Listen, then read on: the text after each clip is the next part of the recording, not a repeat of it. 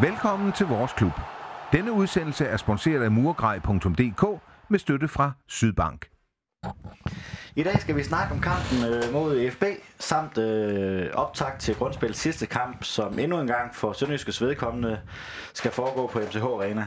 I dag har jeg besøg af Tommy Beckmann. Velkommen til, Tommy. Mange tak. Og Tommy, tillykke med din optagelse i Wall of Fame. Hvad Mange betyder det, øh, det for dig? Ja, men det er selvfølgelig et, et, et stort skulderklap af de øh, fem og et halvt år, jeg havde i, i klubben, at man trods alt øh, leverede noget både, både på og uden for banen, at, at det ligesom bliver anerkendt den, den tid, man nu har brugt i klubben, og, og, og de resultater, man ligesom har været med til at skabe, og på den måde, man ligesom har flyttet klubben, så det er noget, jeg er i den grad stolt over. I forlængelse af den her optagelse, der optager vi også en Beckman special, så vi skal ikke øh, snakke så meget om dig lige øh, nu. Det gør vi lidt senere, og så bliver den sendt ud cirka samtidig med den her.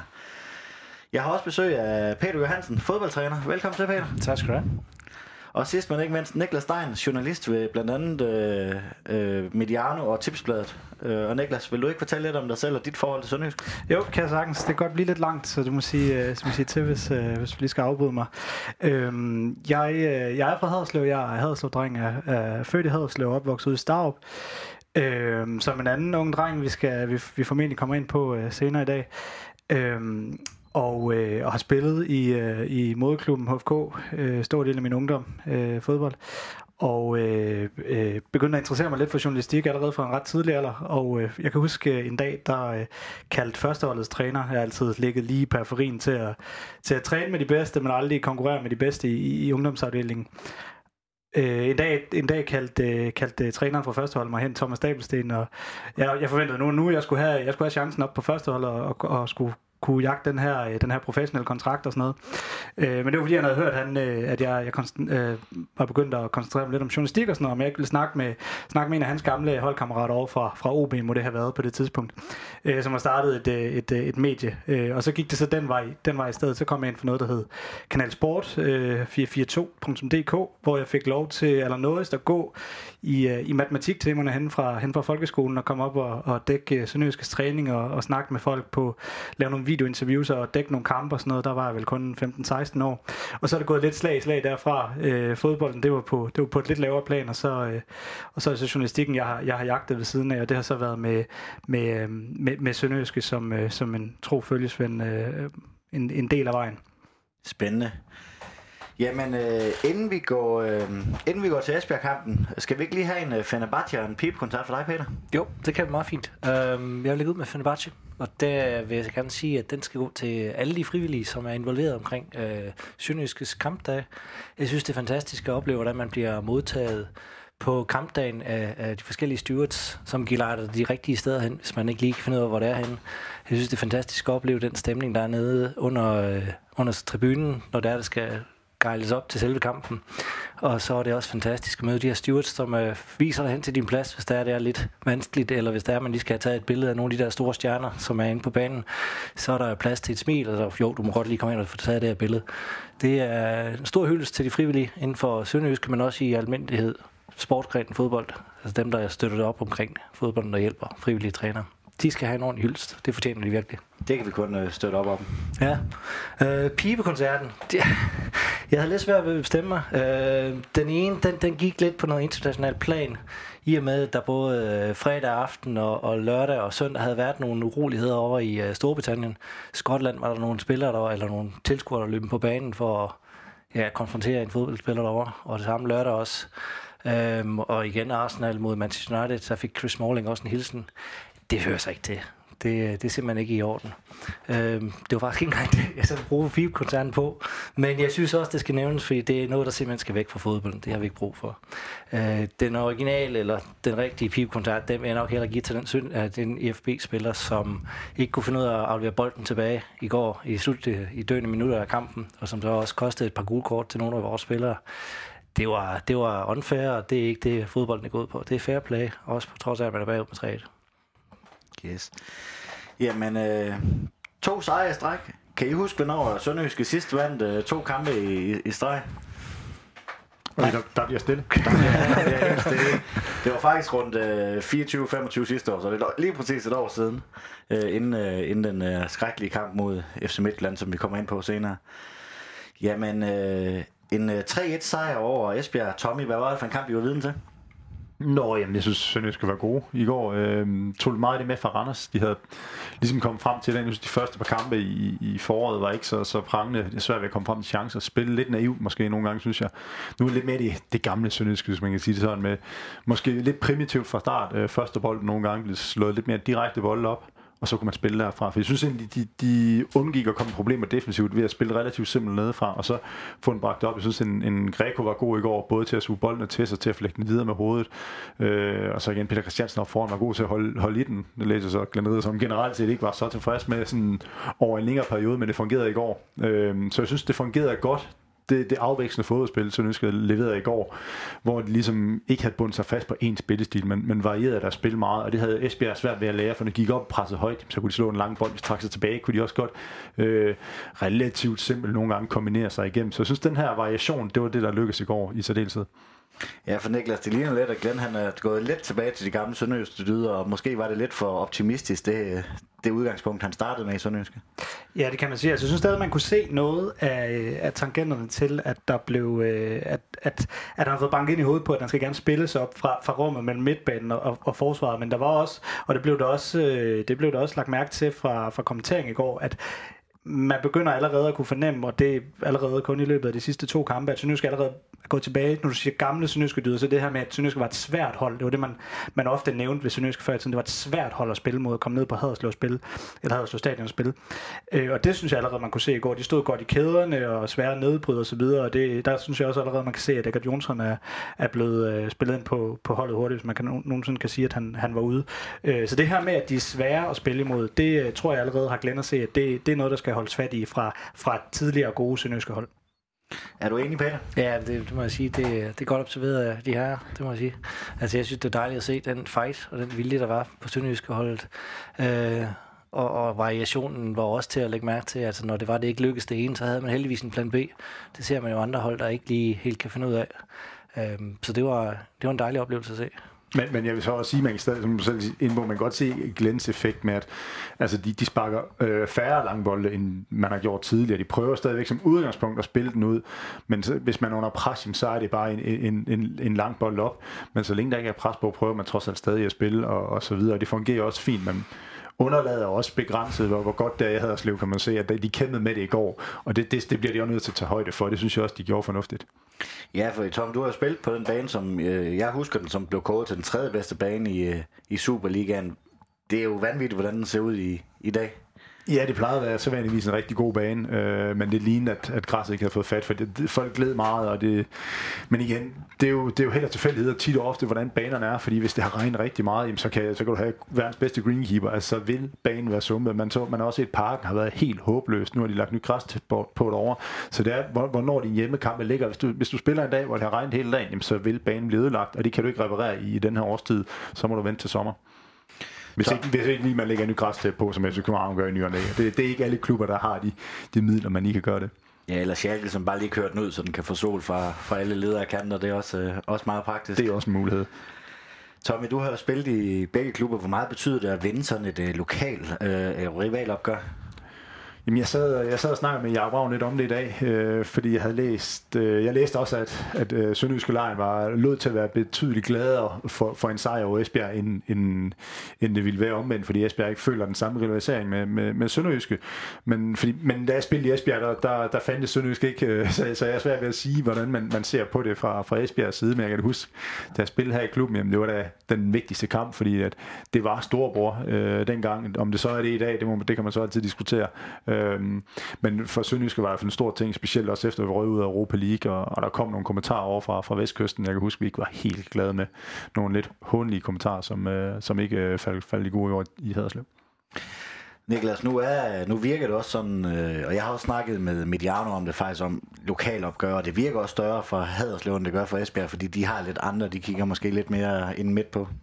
Jamen, det, det er et lidt sjovt øh, lokalopgør, både i, i dansk forstand, men, men også, altså man, jeg kan ikke rigtig komme på et sted, andet sted i Europa eller noget, hvor, hvor det er lidt på samme måde, fordi geografisk i forhold til, hvor lille Danmark er, og afstanden mellem øh, Haderslev og Esbjerg, eller Sønderland og Esbjerg på den, øh, til gode ser jo ikke rigtigt, at det som sådan skal være et lokalopgør. Det er jo det her, der er lidt af hjulpet på vej af Jyske Vestkysten og deres øh, dækningsområde, og, og hvornår øh, Sønderjyske skød op, og i forhold til, hvem, hvem øh, hvem så man egentlig som, som de geografisk største modstandere i Esbjerg. Der skal måske helt op til, til FC Midtjylland, som jeg tror, det var, øh, var, øh, var, var Lunke, altså øh, Lunke Junior, ude, ude at sige til, til Bold.dk, nemlig det her med, at jamen, jamen, fra Esbjergs synspunkt, der er det egentlig ikke øh, synes et, et, et hold, man som sådan øh, hader, hvorimod Glenn stod på den anden side og, og fortalte, at han havde banket det her ind i hovederne på de nye spillere, at Esbjerg, det var altså et hold, man gerne lige skulle give de ekstra procent mod og, og, og slå. Men det, altså, det, er, det, det er et lidt specielt lokalopgør, også øh, sådan et, et lokalopgør, hvis man da kan, kan, kalde, kan kalde det det, eller skal vi kalde det derby, øh, som, som stadig skal finde sin fod lidt i forhold til, hvor det står, fordi Sønderjyske stadig er så ung en klub, øh, som det er. Nu bevæger vi os lidt væk fra Sønderjyske, men det er jo lidt sjovt, så Esbjerg, de tager, har Midtjylland, og Midtjylland, de har ser mere Viborg, som, øh, og de er altså mindre, eller ligeglade hvad de nok ikke med Esbjerg, men de, de ser også andre veje, så det er sådan lidt, man skubber lige til en lidt større klub, og lige til en lidt større klub. Er det ikke øh, lidt sådan der, Peter? Jo, det lyder i hvert fald sådan, at, øh, at, øh, man vil gerne lige bringe opmærksomhed et andet sted hen. Måske det noget andet, man stræber lidt efter. Noget, der er lidt større end som så. Så der kunne godt være noget om snakken her. Men der er også sket meget i, de seneste 10-15 år i dansk fodbold. Der er poppet mange nye klubber op, man ikke har set før. Øh, jeg tror også, Hobro vil sige, når de spiller mod OB, så er det også et, et lokalopgør, hvor mod OB tænker nok, at kamp mod AGF øh, er større af historiske årsager. Så der er sådan lidt, at, som jeg er inde på, vi skal lige finde fodfæste lige nu. Der kommer mange nye klubber, øh, mange unge klubber, der ligesom skal, skal finde deres fodfæste og finde, finde deres rivaler et eller andet sted og, og blive enige om, hvem man er rivaler med. Og så lige det her, de her, det her med at være storebror og lillebror, det er, også, det er også lidt interessant, hvordan det skubber sig. For det er rigtigt, at i starten der var det klart, at Esbjerg i forhold til den historie, de har, sådan, der, der, var, der var storebror. Det var der, øh, det var Esbjerg, der hentede talenterne fra, fra Sønderjysk, og ikke den anden vej rundt. Det var også Esbjerg, der hentede, hvis der var nogen, der slog igennem på Sønderjyskets hold, altså Bjørn Poulsen er nok det bedste eksempel, nylige eksempel, hentede derover. Det var, det var ligesom skridt op i hans karriere på det tidspunkt, eller det skridt, man kunne tage op fra Sønderjyske. Det var eksempelvis Esbjerg, hvor man måske godt kan se det på, øh, måske ikke omvendt nu, men, men, men der, på den måde er Sønderjyske og, og Esbjerg jo lidt mere øh, udlignet i, i niveau. Ja, altså selvom det ikke var helt derbystemning, i hvert fald fra Esbjergs side, så var det alligevel øh, otte gule kort og et dobbelt gult. Øh, så det var en hårdt spilkamp, øh, var det ikke, Peter? Det vil jeg bestemt sige. Øhm, jo, der var, der var masser af taklinger, og der var masser af spændende spil også undervejs. Jeg synes, det var rart at se, at der var den her gnister, at folk de gerne ville det.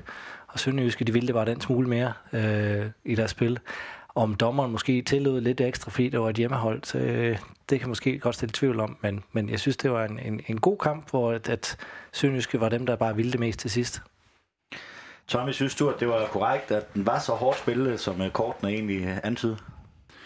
Åh, oh, det, det ved jeg ikke. Jeg synes ikke, den, den, der var ikke så mange, jeg synes ikke, der var nogen svinestreger. Jeg synes for eksempel, det røde kort var relativt hårdt. Øh, de to forsel, de to gule kort, han får Det, jeg har kun set dem på stadion øh, og, og, på storskærm der. Det, det, virkede ikke som nogen voldsomme, man kan så diskutere, om der ikke skulle have faldet rødt kort andre steder, men jeg synes egentlig ikke, det virkede til at være en ond stemning. Der blev gået til den, der blev givet og taget. Øh, og det synes jeg egentlig, det er meget sundt. Øh, fodbold kan være rigtig sjov at se, når der bliver gået til den. Nu, du ser også øh, alt for tit og ofte, at en, en, en kamp, øh, havde du haft en dommer i går, der fløjtede frispark hele tiden, jamen, så var den kamp jo blevet fuldstændig fløjtet i stykker. Så jeg synes, det var en, en fin balance i går på, folk gik til stregen, de, de gik til den, men der var heldigvis ikke særlig mange svinstreger. Nej, Niklas, nu øh, nævner Tommy det røde kort, øh, og vi prøver jo, at, vi, jeg sidder her med i hvert fald mega lyseblå briller, den, men den der, den var lidt tynd, var den ikke? Jo, det røde kort øh, var bestemt tyndt. Is- især, nu snakker vi meget om det her, når vi skal, når vi skal kigge på dommernes præstationer med en linje i forhold til, hvordan vi ser, at kampen afsluttet med det her lille, de her skamysler, der var inde på midten af banen, og nogle der stangede lidt efter hinanden, og sådan, i forhold til, at der ikke bliver givet så meget andet end, jeg tror, der blev givet måske et gult kort til hver, øh, hver lejr der, eller et gult kort til Esbjerg. Ja, Rømer og Parona, ja, det var sådan, det var, ja. Øhm, og set, set, set på den måde, øh, målt op mod hinanden, så, så, øh, så var det bestemt tyndt. Peter, du sidder her og skal prøve at være lidt objektiv, øh, som, som jeg nok ikke kan, kan helt kan klare. Øh, synes du, at øh, dommeren han, øh, han øh, var fordelt sol og vind lige? Ah, den, den er lidt svær at sige på. Ah, jeg vil sige, at, at det taler et tydeligt sprog, at øh, Esbjerg de stikker afsted med seks gule kort, tror jeg det var, og Sønderjyske får kun to. Der er måske også helt til sidst, hvor bare han... Øh, der, er, der er en hændelse, som ikke bliver noteret af nogen af dommerne, hverken fjerdommeren eller selve dommeren. Øh, men, men favorisering, er det ikke bare det, man har en hjemmebane? Det, det hjælper lidt en gang imellem, tror jeg nu nok, jeg vil sige. Ja, for der var meget på de sociale medier, hvor Esbjerg i hvert fald følt sig meget, meget snydt. Øh, men Jeg kan, jeg kan forstå det, det røde kort, men man kan sige, altså det, det er jo ikke en, der er ikke ret lang tid tilbage i kampen, og Barunashvili skal, skal have et rødt kort senere, da han nikker, hvad nikker han, to skaller. Men jeg kan godt se, at der er nogle, nogle, nogle små øh, nogle gange, øh, hvor du kan diskutere, om det var et gult kort eller ej, men jeg synes ikke, jeg, jeg, synes ikke, jeg ser nogen, øh, det kan jo være, jeg har briller på, det skal jeg ikke udelukke, men jeg synes ikke, jeg ser nogen sådan graverende fejl, vi snakker ikke nogen straffespark, vi snakker ikke nogen sådan kampafgørende øh, offside eller et eller andet hændelser, øh, men jeg ved også godt, som spiller kan man blive utrolig frustreret, hvis man føler, at, at de små øh, ting øh, går imod en.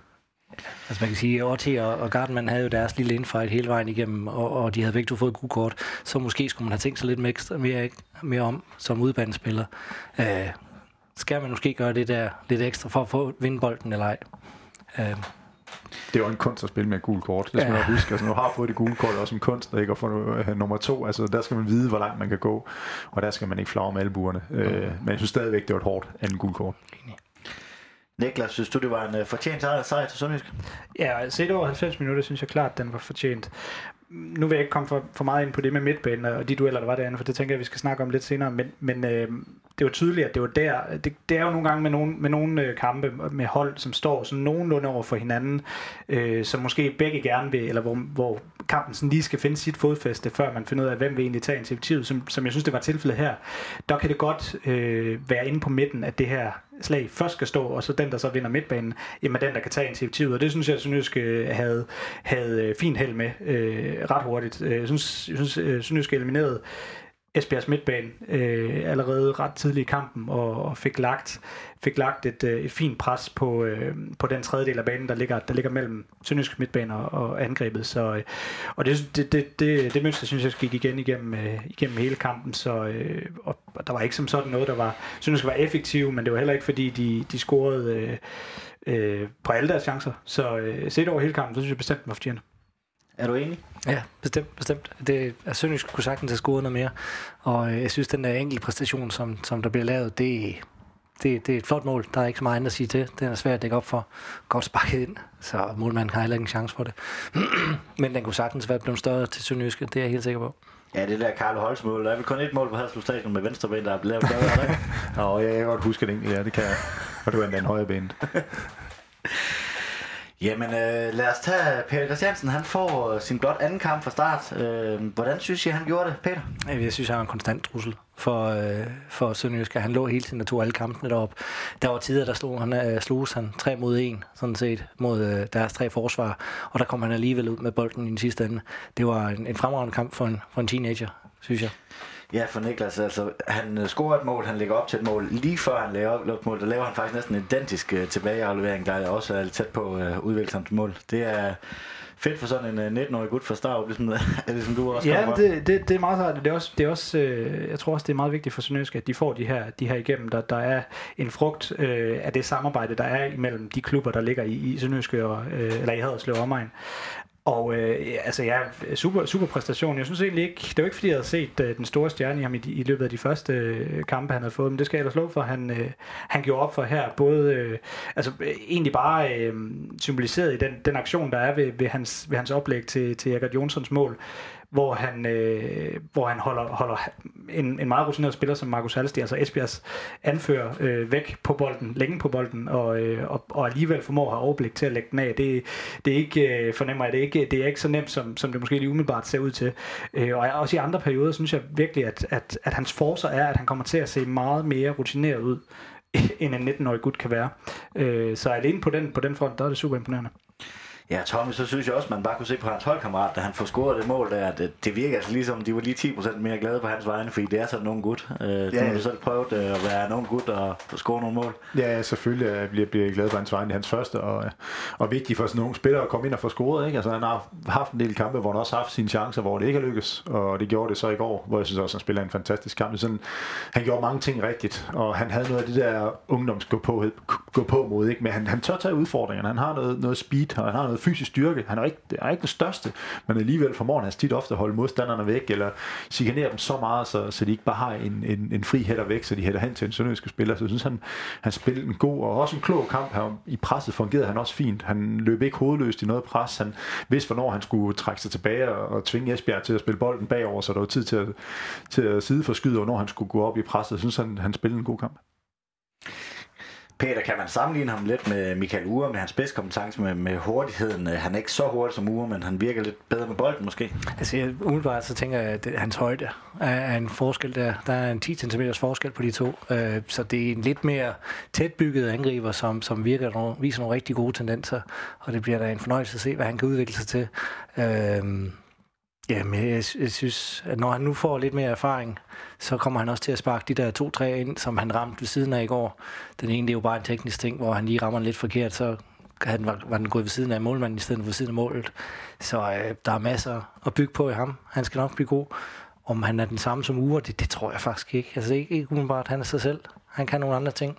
Det er også godt jeg vil, jeg vil ikke helt sammenligne ham med Ure på, på hans spidskompetence, fordi Ure var en spiller, du, der skulle stikkes i dybden. Øh, når han havde bolden med fødderne stående, det var ikke det, hans spidskompetence. Det synes jeg godt, Peter Christian skal han godt få bolden stående i en en mod en og sætte ham og, og, og blive farlig på den måde. Der er Ure mere en, en spiller, der, der kom i fart og, og skulle øh, sættes lidt mere op. Skulle han have scoret mere end øh, et enkelt mål? Skulle jo nok, han har den der i, i øh, er det i første halvleg, når det er. Man har i hvert fald en stor chance på et tidspunkt, hvor man, altså, som, som øh, igen, men han er nogen gut, men, men er man lidt mere rutineret angriber, så skal den bare øh, øh, flex ind. Jeg undrede mig lidt over, at øh, Glenn han ved stilling 2-1 vælger at skifte øh, Jønsson ud for en Alexander Bag. Det er jo en ret offensiv udskiftning. Hvorfor tror du, han, øh, han gjorde det, Peter? Umiddelbart så tænker jeg omstillinger, eller kontra, som vi siger i gamle dage, at, at der, skal, der skal stås lidt mere kompakt nede bagved, og så giver den nogle hurtige bold fremad, og der, der er der lidt mere hastighed i ham end, end, end omvendt. Øhm, så ved jeg heller ikke, om Jønsson han måske er lidt kamptræt. Altså, han har spillet to kampe lige i træk. Det kunne godt være, at han har brug for at komme ud og få et hvile, når man inden da ikke har spillet så meget. Så det er måske meget godt, at han lige kom ud og fik en pause. Han var altså også en god spiller, ikke? Og det må jeg sige, han spillede fremragende i går. Tommy, det er da i hvert fald også et andet, øh, andet udtryk, end, uden, at, øh, uden at forklare Nørgaard, hvordan han spillede fodbold på, men han havde nok ikke sat en offensiv for en defensiv ind med en, øh, en føring. Nej, det tror jeg heller ikke, jeg havde. Altså, jeg sad også undret mig lidt over, at, at jeg synes, man, jeg, jeg var lidt nervøs for, at vi, vi, vi, vi miste noget uh, tyngde ind centralt. Men der var Esbjerg vist også kommet ned og var, var en mand i undertal, tror jeg. Jeg, jeg tror det omkring i hvert fald. Så jeg tror, han følte, at, at de havde så godt styr på det, at, at det var han egentlig ikke så nervøs for. Øh, og jeg synes at Alexander Barn, når man ser ham som type, så tænker man lidt mere, at han er en, en teknisk stærk spiller, men han er også en, der, der, der godt tør at gå ind i nærkampen og, og tage de der skrald der. Så jeg tror også, han, han var tryg nok ved det på den måde. Øh, selvom jeg synes ikke, at Jonsson var god i går. Også, øh, både offensiv og defensiv har mange meget, meget lange løb. Øh, husker en i anden halvleg, hvor han tager et løb, en, en sprint fra midten for at dække en, en midtbanespil op og ender ind i nede midterforsvar med at hætte den væk. Altså, så jeg synes, han, han havde mange, øh, måske ikke kampafgørende på den måde, men mange vigtige øh, sekvenser i spil i går. Ja, jeg kunne godt lige tænke mig at snakke lidt mere om uh, Jønsson, fordi at øh, holdet er jo, både at taktikken ændret lidt øh, efter han er kommet, Øh, han sad ude i de første tre kampe og har været med i de to sidste sejre. Øh, Niklas, hvad synes du, han har gjort for holdet, eller sådan, hvis vi skal samle de to sidste kampe i sådan over en kamp? Man går ind og, og, og tydeligvis laver noget, noget, stabiliserer noget, skaber noget balance, som, som den her 6 og 8 position øh, kan, når den bliver spillet rigtig godt. Og det, øh, og det er hurtigt noget, som, som breder sig til resten af holdet, altså, hvor man kan se, at, at den her sikkerhed, som, som Jonsson har i kraft af sin præstation i går, den her sikkerhed, den spreder sig til resten af holdet, som også lige giver de her ekstra 5-10% hos de andres øh, præstationer. Så, så det er ikke alene i hans spil med bolden, det er også, det er også den effekt, han har på hele holdet, øh, som jeg synes, at ikke, ikke nok med, at man kan se det i de her to kampe, øh, den effekt det har, men, men også, at man nærmest ikke har kunne se det i de to foregående kampe, hvis man skal efterrationalisere sig lidt og, og, og se lidt i bagspejlet og være lidt bagklog. Ja, Thomas, så virker det faktisk til, at han er blevet bedre venner med bolden, synes jeg. Ja, det synes jeg også. Jeg synes, at han, han har mange fine aktioner i går. Det er nok ikke ham, vi skal forvente, at der tager den til sig, dribler to mand og spiller en afgørende dyb, men men har stadigvæk nogle, nogle vigtige aktioner. Jeg synes godt, man kan sammenligne med, med dengang, der Amagira han spillede på, på den samme øh, position. Også en, en, en ret beset en 8, der, der ikke er den defensive midtbane, men det er mere kvæg deres øh, løbekapacitet. Ikke? Altså, tilbage ligger mange meter en vigtig spiller i presspil, fordi han kommer så hårdt op i de her pres, og vigtigt, fordi jeg råber mange bolde højt på banen, som gør det lidt lettere at, at slå nogle, nogle lidt højere højere og lidt lettere kontraangreb, der kan blive farligere. Den øh, midtbanekonstellation, der var i går, hvad, hvad synes du om den? Den har de sidste to gange har det i hvert fald fungeret ret godt. Jamen, jeg synes, det var rigtig fint. De supplerede hinanden rigtig, rigtig flot. Øh, når det var, at der var offensive ting, der skulle tages, og der var en af de andre fremme, eller to af de andre fremme, så var de dygtige til at læse hinanden til at blive som tredje mand tilbage, og så se, nu skal jeg lige tage den lidt med når det var, at vi gik ned i defensiven igen, jamen, så faldt der lige en ekstra en af de to tilbage, og så lå vi egentlig rimelig godt med to defensive midtbanespillere derinde, så det, det var de gode til, og det var rotationen, de kunne alle sammen køre det. De var alle sammen tilbage, og til sidst jeg var spændt op foran, og lave skud på mål og løbe med en kontra, så altså, de roterede rigtig flot, og de var virkelig stærke derinde i går. Niklas, du var også ved at nævne indledningsvis uh, midtbanen. Vil ja, du, øh, ja, ja, ja, men som sagt, så, øh, så kan det hurtigt vise sig, i hvert fald når holdene står over for hinanden, som de gjorde i går, at, øh, at det skal være midtbanen, der skal vindes først, før man altså ligesom kan, kan tage initiativet over kampen. Og det var netop, netop det, jeg synes, der var udslaget for Sønderjyske i går. Også fordi Esbjerg nok har sine styrker derinde, eller i hvert fald har haft øh, i form af Kaugo, som jo når jeg sådan tænker tilbage, nærmest var helt usynlig i går, og det skal jo også på sin vis være, øh, være Sønderjyskes øh, øh, fortjeneste. Øh, så det, jeg tror, det er, det er primært der, at, at, at de formår at, at neutralisere den, den midtbane, de har, og, og tage hånd om kampen der. At øh, det virker som om, at det er der, de tager tager styringen, og, og, øh, og, og at det egentlig er der, kampen, kampen vindes, eller i hvert fald de første brikker til, at, til at banken, øh, hvad hedder det, kampen kan, kan vindes og blive kørt så hjem, så fortrinsvis sikkert, som, som den trods alt øh, blev, at, at det gjorde. Men jeg, synes, jeg synes, at Mpindi, han spiller godt i går igen. Altså, jeg synes, at, at han har mange kvaliteter. Altså, jeg snakket meget med, med spilleren dernede og sagt, at han har, altså, han har egenskaberne til at blive rigtig, rigtig god. Han måske manglede sådan at, at få det taktiske, få det omsat ude på banen. Det synes jeg, han, han i går i hvert fald, og egentlig også øh, mod Randers. Så generelt i år, synes jeg, han, han har spillet fint. Han, har været, han er dygtig på bold, og han er fysisk øh, et monster. Ikke? Altså, han er stor og stærk og god til at holde modstanderne væk, men kan også godt spille fodbold. Så jeg synes, der er nogle, nogle kvaliteter i ham, der kunne blive rigtig spændende, når han får lidt, lidt flere kampe under, under, under sækken, og så hvad hedder det, lidt, lidt taktisk forståelse indlært fra Glenn, så er jeg ikke i tvivl om, at han, øh, han godt blive en spændende spiller. Ja, han er jo heller ikke så, så fandens gammel, så, så der, det er en god midtbane, man er ved at få samlet der. Ja, bestemt, bestemt. Altså, jeg synes også, at det, det, jeg er helt sikker på, at, at, at Cargo, han blev, han blev holdt væk, simpelthen uh, Pindi, et eller andet sted. Der under opvarmning, der så uh, Cargo skyde på mål, og han smækker den ind op i træerne, og så øh, står hele fansgruppen bagved og, og jubler og håber på, at de kan se det i kampen, og jeg siger, åh oh, nej, det håber, det ikke sker. Men altså, han var jo anonym hele kampen igennem, og det tror jeg blandt andet var Impindis skyld. Han var ikke langt væk fra ham hele tiden, og sørgede for, at han havde snor i ham. Og det er rigtigt, at, at hans, hans touch, det var, det var fremragende at se. Ligger med hele tiden, i fra, går i en, to med nogle andre spillere, kan lige tage nogle skridt fremad også, og han deltager i det offensive også han var, han var fremragende i går. Og hvis han får noget mere erfaring, og når han nu også får tilliden fra Glenn, så, øh, så kan der en spiller, der kan udvikle sig voldsomt meget der. Det er tit, du ser de her defensive midtbanespil. Du har nogen, der, der, der kan løbe og løbe og løbe, og de, de er gode bølgebryder, men de er ikke så gode venner med bolden. Det synes jeg, altså, jeg synes, jeg har set mange øh, gode afleveringer frem i banen også. Et er bare hele tiden spille den tilbage, noget andet er at få den, spille en god øh, flad aflevering frem. Det synes jeg også, han har vist ved flere lejligheder. Han kan en hård flad aflevering, der ligger lige i skoene til at arbejde videre med. Så jeg synes, han, altså, det, det, det, det kan blive spændende, hvis, hvis han fortsætter den udvikling, han har, han har haft allerede i, i år, jamen så, øh, så er det i hvert fald godt for Sønderjyske. Niklas, tror du, Glenn han har fundet sin øh, midtbanekonstellation nu? Mm, det er, jeg tror, det er lidt for tidligt at sige, også, også øh, hvis man kender Glenn ret, og han snakker meget om, du ved, vi, vi snakker meget, øh, eller medierne har snakket meget om øh, proces, og den vil Glenn måske ikke så meget være med på mere, men så bruger han det som strategi, så vil egentlig er det der, er, er det samme. Øh, og jeg tror, jeg tror han, han gerne vil prøve nogle ting af nu, men baseret ud fra de sidste par kampe, især på, øh, på Esbjerg-kampen i går, når den blev spillet, som det var i forhold til det, vi har snakket om med midtbanen, jamen, så tror jeg, at det har gjort, øh, gjort store fremskridt. Jeg ved ikke, øh, det, det, det er for svært at sætte sig ind i, i Glens hoved, om, om han, hvad han tænker om det her. Jeg har heller ikke lige set ham kommentere så meget på den del, øh, på den del i forhold til kampen i går. Men, øh, men set udefra som, som forholdsvis objektiv øh, hvad hedder det, øh, observatør, så, øh, så, så, så tror jeg, han er godt på vej. Men, men også som du er inde på tidligere med, at de, de kunne godt lide at rotere de tre. Ja. Altså alle tre kan spille defensiv midtbane, alle tre har spillet defensiv midtbane, alle tre har spillet låter. Så det er, det er sådan lidt en, en, en flydende konstellation, der, hvor, det, hvor de godt kan, kan bryde ud af, af positionen og rykke et andet sted hen, og så skal der nok være en til, at, til at dæmme op, fordi alle tre er så, ja, så hvad hedder de, fleksible ind i deres, deres spil. Mm. Jeg kunne egentlig godt tænke mig at tale lidt statistik. Det er altid, øh, det er altid nemt. Men, men Icarni, øh, som man ikke altid lige har synes var allerbedst ven med bolden, i han spiller syv kampe den sæson. På egen banehalvdel har han en øh, afleveringsnøjagtighed på 90,2. Og på øh, modsat, eller modstanders banehalvdel har han en på 78,7.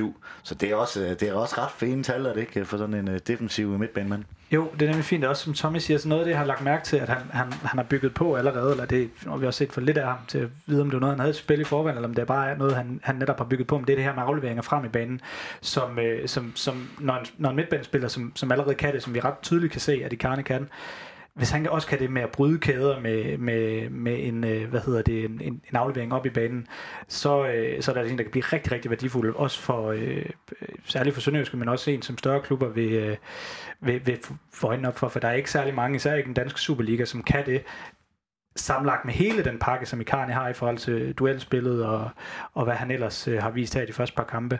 Så, øh, så jo, bestemt, og det, jo, det, det er udenbart fine tal. Altså tal er, tal er bare tal, men, men, men umiddelbart så, øh, så er de pænere. Som, altså, der er selvfølgelig en stor, stor forskel på, på, på en stald, på Sønderjyskes øh, del af banen og på modstanders del af banen, men det er også, det er også meget naturligt. Men han kan, han kan altså slå de her, de her afleveringer, som, øh, som, øh, som Tommy siger. Hvis vi ser endnu mere af det i fremtiden, og hvis han bliver endnu bedre til det, så, så begynder det faktisk at se rigtig, rigtig spændende ud. Nu har vi fremhævet Eggert, vi har fremhævet Akani. Er der andre spillere, vi, vi burde fremhæve øh, den her kamp, som øh, gjorde indtryk på dig, Peter? Jeg synes Marfeldt, han var, han var stabil. Man kan sige på målet der er han lidt for langt væk fra sin modstander. Det, det er måske lige det. Det er også stærkt sparket ind. Men Marfeldt, han var også fantastisk. Han gjorde også fremragende over på den kant derovre. Kom godt med frem af hans indlæg. De lå altså også, hvor de skulle. Der var måske nogle angriber, der, der skulle have været derinde. Men, men det er også svært at lave den timing. Så jeg synes, han gør det godt over i den sikker venstreback. Ja, for Tommy Marfeldt, han er jo også en, som jeg glæder mig over, at han, han er kommet ind på holdet igen. Han var udskilt af fansene, og, og må også, måske også med rette, fordi det var ikke altid, at hans indlæg lå, som de skulle. Men jeg synes, at de to seneste kampe, der har han også været øh, rigtig god. Han passer vel også, som jeg også tidligere i det her program har sagt, passer godt til sådan en Glenbak. Ja, det gør han. Øh, jeg synes også, det var med ret, at han var udskilt, jeg synes ikke, han var særlig god under Claus Nørgaard. Øh, han, han var for dyr. Han kostede simpelthen mål i næsten hver eneste kamp i, i forhold til hans positionering, var der flere gange, hvor han ophævede offside og andre ting. Men, men i går spillede han en god kamp, kom fint med frem og havde egentlig flere øh, fine gennembrud også i, igennem venstrekanten. Så, så jeg synes også, han spillede en god kamp. Jeg synes også, man skal frem, øh, fremhæve Greco, synes jeg også var god i går. Øh, god, god til at finde mellemrummet, øh, både som, som spilstation med en lang bold, lige så vel som han, han lykkedes godt med hans øh, første touch og hans øh, dribling dribling og, og sådan noget, så jeg synes også, han, øh, han kunne også godt fortjene en lille ros. Det er måske en spillestil, der passer lidt bedre til ham, end Nørgaards gjorde. Det kunne tyde på det. Øh, det kunne tyde på det indtil videre det, jeg, har ikke, jeg har ikke set så meget Greco i, i, før i tiden faktisk, øh, og ikke fuldt han var der nede i første division og så videre. Så det skal jeg ikke kunne sige, men i forhold til de ting, han kan, altså hans åbenlyse kvaliteter i forhold til at spille med bolden, og det måske bliver øh, en smule mere, øh, som udgangspunkt en smule mere øh, højere prioriteret under Glenn, så, så, så, så er klart, så vil det klart være noget, som man vil skulle gætte på, øh, hvad hedder det, til gode ser Greco, og så, så vil det, vi så i går, ikke bare være en tilfældighed, men så, så er det, fordi der er den her trænerovergang til Glenn. Du gik så lige over til Gregor og snakkede meget fald, men det er, det er fair med Gregor. Nå, det, det, var mig, det, var mig, det var mig, der kastede Gregor ind, ja. i, uh, ind i Og så fik jeg lige min, uh, mit tag på Gregor. ja. Og så får Amanko, han får, får dobbelt sin målscore i Superligaen. Nu har han scoret lige så mange mål for Sønderjyske, som han har gjort for i hele sin FCK-tid.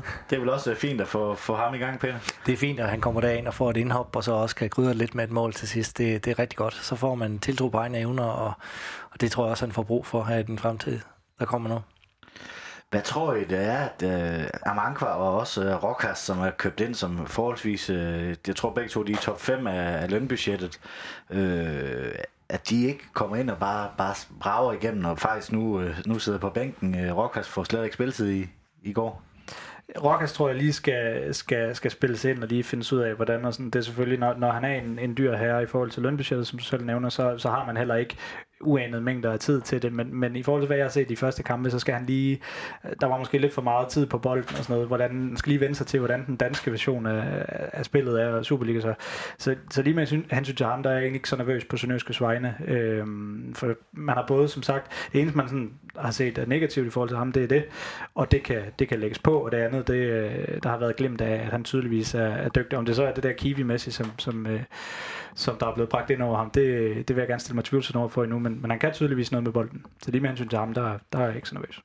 Ja, så passer han vel heller ikke rigtigt til de eller i hvert fald Sydbank Park passer han ikke, øh, ikke skide godt til i øjeblikket. Nej, jeg vil sige, at han passede bedre til den spillestil, der var lagt for dagen i de første par kampe, hvor det var mere flat øh, hele vejen, hvor, hvor det ikke var så mange lange bolde. Altså lige nu, når, når, når, når første bold nede bagfra i, i flere tilfælde af, i antal, så er, det, så er det måske bedre med en Greco, der har lettere ved at, ved at behandle den, end en Rojas, der har haft sin vanskelighed, som du også sagde. Altså det er gået lidt for langsomt, når han har fået bolden. Det er gået lidt for træt. Øh, han har måske været overrasket over, hvor, hvor hurtigt folk kommer ind og, og presser, og hvor mange der står nede bagved i, i Hollands fodbold, der er der måske lidt mere plads øh, at arbejde med. Og, men man skal også huske, det er måske ikke en spiller, der har spillet så meget i, i den seneste periode. Øh, de her, både ham og Mankva er jo ikke nogen, der har, har spillet øh, 100 kampe sidste år, så der er også en, en gang rust, der skal bankes af. Det ved jeg fra mig selv, at spille. Altså, når man ikke spiller, så kommer man ud af den her kampform og kommer ud af rytme, og det tager sig tid nogle gange, før det lige bliver, bliver bragt i orden igen.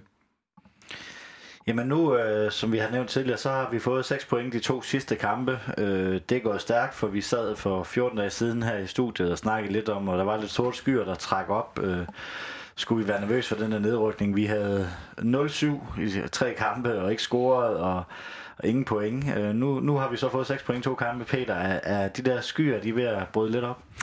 Altså, det ser lysere ud nu i hvert fald, men altså, alt forandring, det tager jo også tid. Man skal vente sig til at, at, at, at på prøve det noget nyt af, så, så det er rigtig godt med de 6 point nu, det, det luner nu her, men altså, det har også været meget stolpe ud, en stolpe ind i første par kampe, hvor man har fået den til at gå den forkerte vej, den egentlig rigtig skulle, og, og, og det var måske ikke helt retfærdigt, det kan man altid tale om bagefter, øh, om man skulle have tabt 6 point i første omgang, eller 9 point i første omgang, jo sådan set. Men, men altså, nu er der tro på det, og nu, nu kommer bolden ind, og det er jo trods alt det, der drejer sig om, det er at få scoret de der mål. Og det, det gør Sønderjysk flittigt i øjeblikket. Det er fantastisk. Ja, Niklas, top 6 er jo væk. Den, øh, den har vi lukket. Matematisk er det også umuligt, men, men nu har man ligesom tre point op til øh, 9., 10. og 11, eller 9. og 10. pladsen, hvor AGF, som godt nok mangler en kamp, øh, men øh, også Horsens. Så der er vel også noget, nu er der også noget at spille for, og, og, og altså, det er en kamp, så er man øh, lige point med dem, og man har en bedre målscore end dem også. Jamen det er det, og, og på sin vis i forhold til, hvordan det, det så ud efter, efter starten på de to kampe, så ender den FC Midtjylland-kamp jo også i forhold til, hvor stærk en modstander FC Midtjylland er her den sidste kamp, øh, også med at blive en, en, en øh, ikke som sådan en gratis kamp, men, men en kamp, hvor man kan gå ud og ikke, øh, ikke have det store pres på som, som Sønderjyske nok ville have haft, hvis, hvis det var fortsat i samme tangent, som vi så efter de to kampe, i hvert fald i forhold til resultaterne. Nu står Sønderjysk i nogen, nogenlunde bedre position, og, og, og hvis det bliver til den, til den tredje plads i, i, i hvilken som helst gruppe, det så ender med at blive af de to der. skal jeg så, jeg så ikke gå ind alt for meget ind i den der struktur, fordi øh, det, det, er noget, det er noget kringlestat, men, men altså, som det er på nuværende tidspunkt, der, der kommer Sønderjysk til at stå til en okay position i forhold til, hvor meget de kommer, kommer til at have op til, øh, til den anden plads, hvis, hvis de ender på tredje pladsen i gruppen. Øhm, og hvor meget de eventuelt i, i samme ombæring kommer ned til at få ned til, til fjerdepladsen, om det ender med at blive Vejle, eller, eller hvem det så ender med at blive. Ja, Thomas, hvis vi lige skal runde øh, øh, Esbjerg-kamp med, så er det vel også hold, der har selv fået selvtillid nu. Det ved du selv, hvordan man lige har været nede i en, øh, en bølgedal, og så lige pludselig, der vinder man og scorer seks mål i, på to kampe. Hvordan er det, de går ind til, til det her? Nu skal Midtjylland lige overstå, så den kommer vi ind på senere, men hvordan tror du, de går ind til både kampen mod Midtjylland, men også det her grund- eller nedrykningsspil, eller hvad vi skal kalde det? Jo, men den kamp mod Midtjylland, ja, altså som så siger, den var, den, den var lidt gratis, altså den ville være lidt gratis i en eller anden scene. Alle forventer Sønderjysk tabe der mod, mod de forsvarende danske mester, der har vundet nærmest råb og stuk på hjemmebane i Gud ved hvor lang tid, så det, det ligner som udgangspunkt en umulig opgave, men jeg kunne også godt forestille mig, at Glenn har motiveret for at vinde den fodboldkamp, så jeg er rimelig sikker på, at han nok skal, skal gøre det klart, at den kamp på ingen måde er gratis, og han, han giver en, en omgang, hvis de vinder eller to, det er jeg ikke i tvivl om. Så, så, så jeg tror, at Sønderjysk går ind til den, som at det er en kamp, at hvis man er i hvert point øh, i, i sådan en kamp tæller, og, øh, og det, er, det, det er ved at være så tæt, at, at hver point er virkelig vigtigt efterhånden også i forhold til, når vi kommer ind i den her øh, fire, fireholdsgruppe her, at, at, at det, det kommer til at blive spændende, om, om Sønderjyske kommer op og, og kommer med om den her første anden plads i, i den gruppe, og for alt i verden holder sig væk fra, fra fjerdepladsen, og skulle forhåbentlig også gerne komme væk fra den tredje plads, så man slipper for de der forfærdelige nedrykningskampe. Vi øh, kommer lidt tilbage til, til de her grupper, hvordan de kommer til efter vi har snakket om, øh, om øh, FC Midtjylland-kampen. Jamen, øh, men inden vi går til den, skal vi så ikke lige have en øh, Fenerbahce og en pibekoncert for dig, Niklas? Jo, min pipkoncert, øh, den skal gå til, at jeg øh, her forleden, det var også en sønderjyske kamp, øh, sad og så på tv'et, hvor der, øh, der tilskuertallet bliver meldt op for kommentatoren, nu kan jeg ikke huske, hvem det var. Øh, det kan også være lige meget, men, men øh, så bliver der nævnt, at øh, det, det, det lå på omkring de der 5.000, som, som Sønderjyske ligger på i, i, i snit den her sæson, bliver nævnt, at det er flot, fordi Haderslev øh, ikke nødvendigvis er nogen stor fodboldby.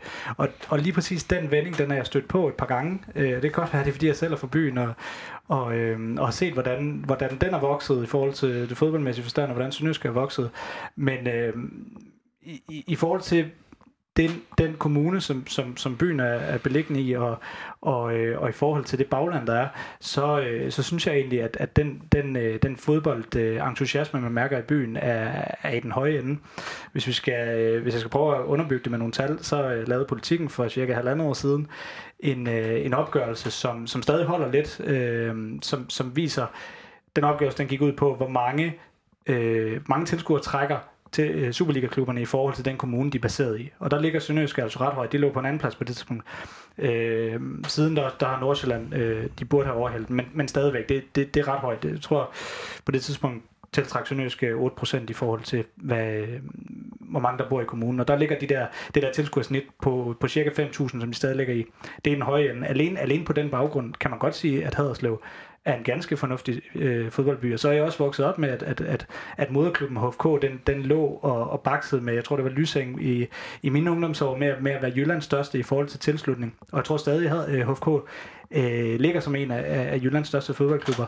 Og, øh, og, og det er bare i forhold til bredde fodbold, og, og hvis vi ikke har bredde fodbold, hvad har vi så? Øh, så på baggrund af de to ting, så synes jeg, at, øh, at Haderslev er en ganske øh, fornuftig, har været det længe, øh, fodboldby. Så min pipkoncert til dem, der, øh, der påstår andet, øh, den blev lidt lang. Øh. Jeg tror faktisk, at hvad sagde han ikke også noget med oplandet, det ikke var ret stort, og det er jo også en fejl, fordi der bor 250.000 i Sønderjylland, så, så nogle af dem fra Tønder, så de ser måske mere mod Esbjerg, men, men, men altså oplandet er jo også, øh, også ret ja, stort. når vi tager så... det med, så, så, er det, så er det helt rigtigt. Øhm, og min Fenerbahce, den, øh, der var egentlig ganske noget færdig i en, en af dine tidligere øh, gen, øh, gennemgående gæster, Søren Papst, øh, havde øh, tog op på Twitter. Øh, den skal gå til Kim Sarko og hele, hele den fysiske stab i Sønderjyske med at få Alexander Bar øh, tilbage så hurtigt. Det, øh, det synes jeg egentlig var en ret interessant vinkel, og det, det er ikke nogen, der, der bliver hævet frem. Det er dem, der opererer sådan, sådan lidt bagved og, og bare passer deres arbejde. Men øh, det er meget imponerende, at han er tilbage allerede, så øh, lad os sende den afsted til dem.